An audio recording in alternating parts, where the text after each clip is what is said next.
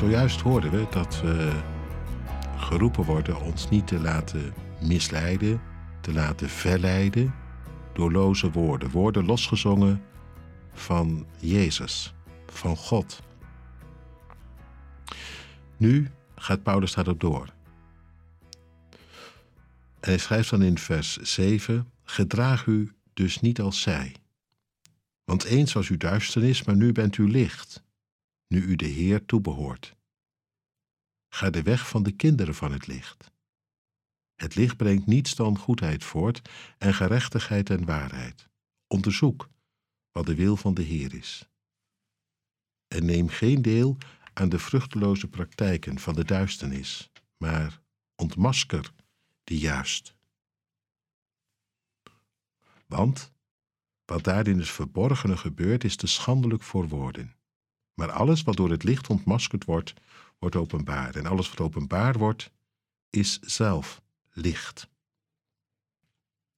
Het is natuurlijk heel mooi wat Paulus hier schrijft.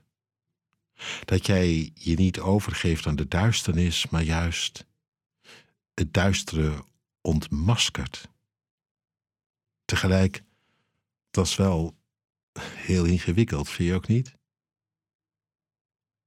Want wie ben jij om te ontmaskeren?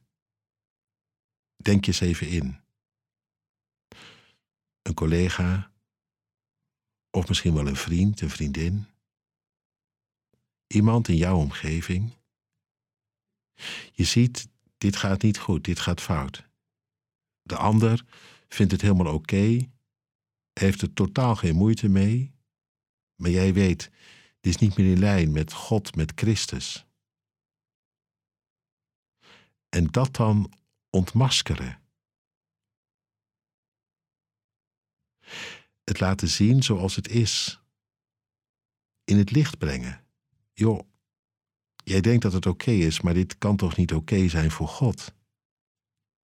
Hoe jij nu omgaat met die of gene of hoe jij je geld uitgeeft aan dit of dat of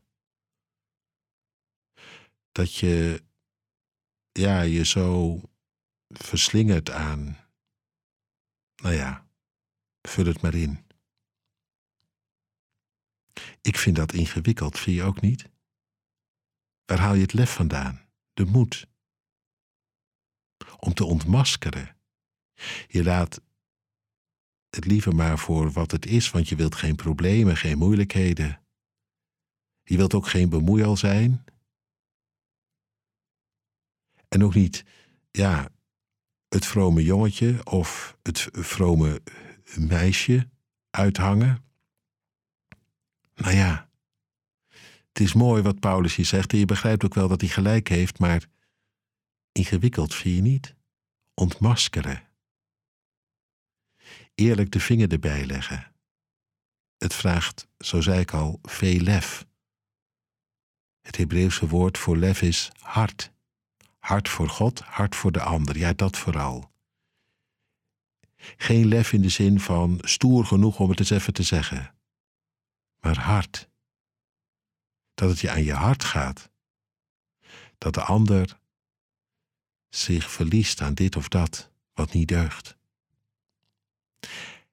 omdat je hart hebt voor God en voor dat wat Hij op zijn hart heeft. Misschien kom je dan vanzelf uit bij de goede toon. Eén ding is heel zeker.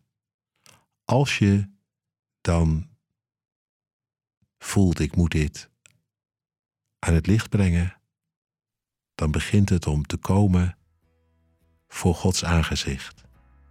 Geef mij van uw hart om niet voor u onder te doen, in eerlijkheid, oprechtheid, waarheid, trouw, genade.